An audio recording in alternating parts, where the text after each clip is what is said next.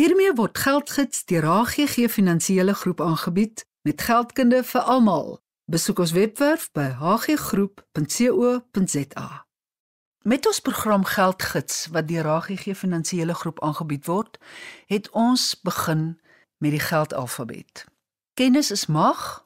In geldalfabet is veronderstel om vir ons begrippe wat ons elke dag hoor, maar nie juis ten volle begryp nie, die lig daarop te werp. So met hierdie kennis wat mag is, sit ons nou met 'n wonderlike paneel wat kennis in pag het. En dit is Linda van Greuning, Nik van der Berg, albei verbonde aan HGG Finansiële Groep. Linda is direkteur van die Trust Sake Eenheid en Nik die direkteur van die Welvaartsake Eenheid. En saam met hulle is professor JP Smit verbonde aan die departement filosofie van Stellenbosch Universiteit. Linda, kontrak in elke denkbare gedaante is kontrak deel van ons elke dag se gang. Wat is 'n kontrak in wese? Op 'n mees eenvoudige vlak is dit 'n ooreenkoms tussen twee partye.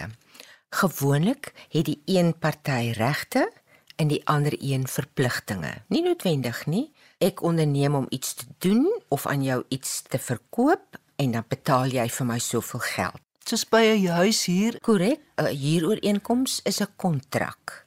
Daar's verskillende soorte kontrakte. Daar's ook mondelingse kontrakte. Vertel my daarvan, Linda. Dit is geldig, maar dit is net baie moeilik bewysbaar. Wanneer daar probleme kom wanneer alles gladweg verloop, geen probleem nie. Dit is maar altyd veiliger, veral wanneer geld verwissel tussen mense. Die een verskaf iets en die een betaal iets, dat jy dit op skrif sal sit dat alle partye presies weet wat sy verantwoordelikheid in terme van die kontrak is. Linda, is daar by 'n kontrak ook getuies wanneer dit 'n geskrewe kontrak is, is daar getuies nodig? Meeste kontrakke soos 'n trustakte is ook 'n kontrak en daar's altyd getuies. En 'n testament, wel dis 'n eensidedige kontrak, is daar getuies wat getuig dat dit is die persoon of dis die partye. Ja. En die mens met wie 'n kontrak aangegaan word, moet toerekeningsvatbaar wees. Verseker.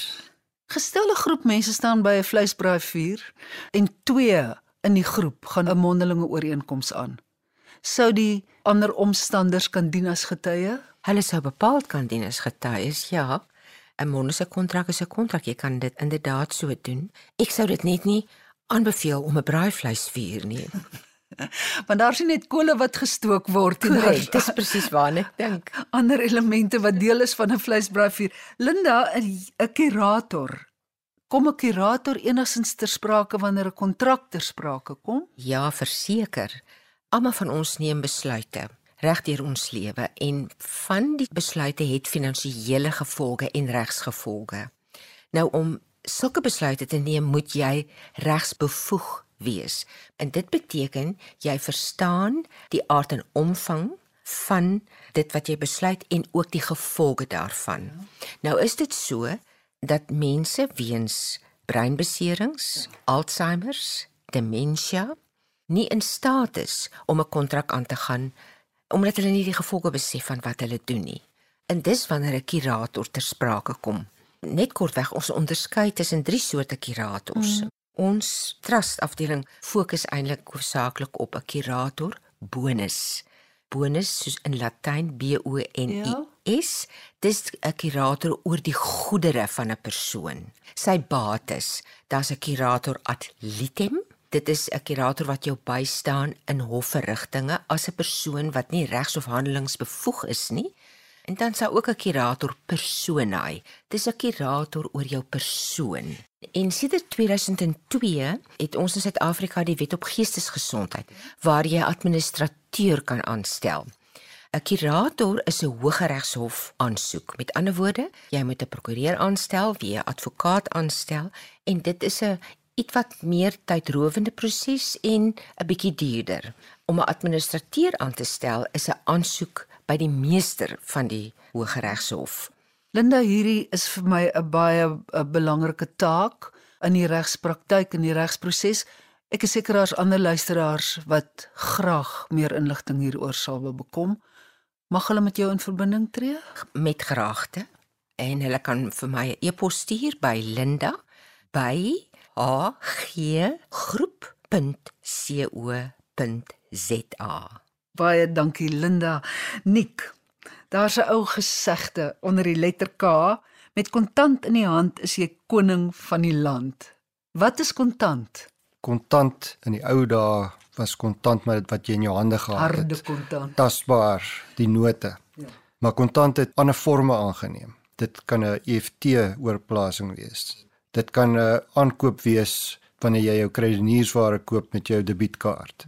Dit is kontant. Dit het 'n ander vorm. Dit is nie die fisiese note nie. En daar is 'n groot dryf, ek dink internasionaal en in Suid-Afrika mm. om kontant minder te maak. Die fisiese hantering, hantering daarvan. daarvan want dit is gevaarlik. Dit is 'n duur proses om dit te repatrieer na 'n sentrale punt toe as gevolg van misdaad as die fisiese kontant wat jy in jou beursie as jy jou beursie verloor het jy dit verloor. As dit in jou bankrekening is en iets gaan fout en dit is nie jou skuld nie, dan het die bank 'n verpligting om jou te vergoed vir die fondse wat verdwyn het, mits jy al die veiligheidsmaatreëls nagekom het as die kontant in jou huis is en jou huis brand af, is daar sekere dekking wat ons op 'n ander tyd sal bespreek mm -hmm. in jou korttermynversekeringspolis wat 'n sekere porsie kontant in jou huis sal dek, maar nie naaste by as jy groot bedrae het nie, maar die groot gevaar is misdaad.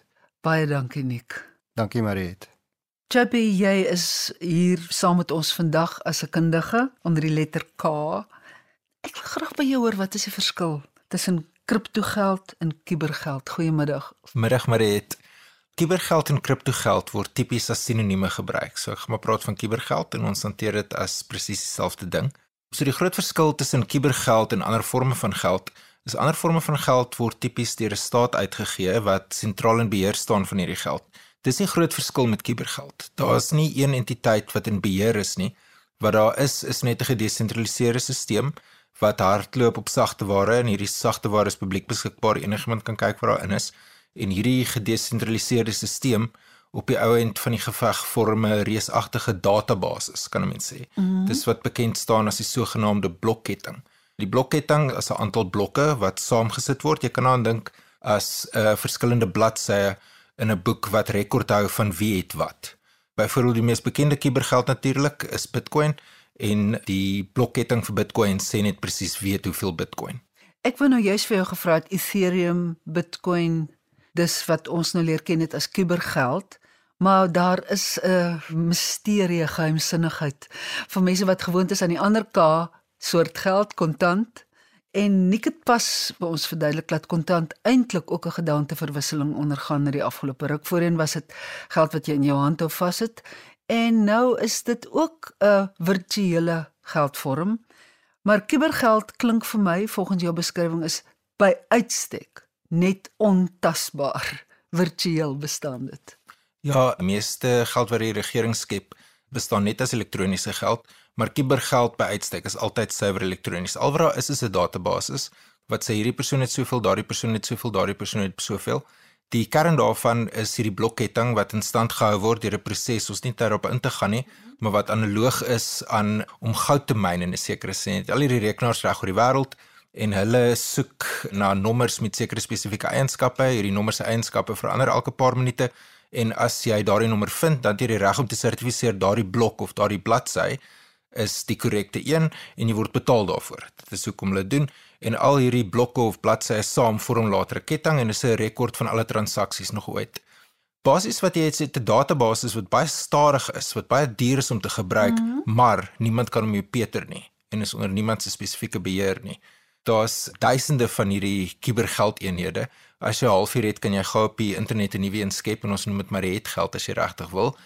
Die probleem is nie om 'n geldeenheid ehm um, uit te vaardig nie, die probleem is om iemand te kry om dit te aanvaar. En ons natuurlik baie baie min van hulle wat baie suksesvol is.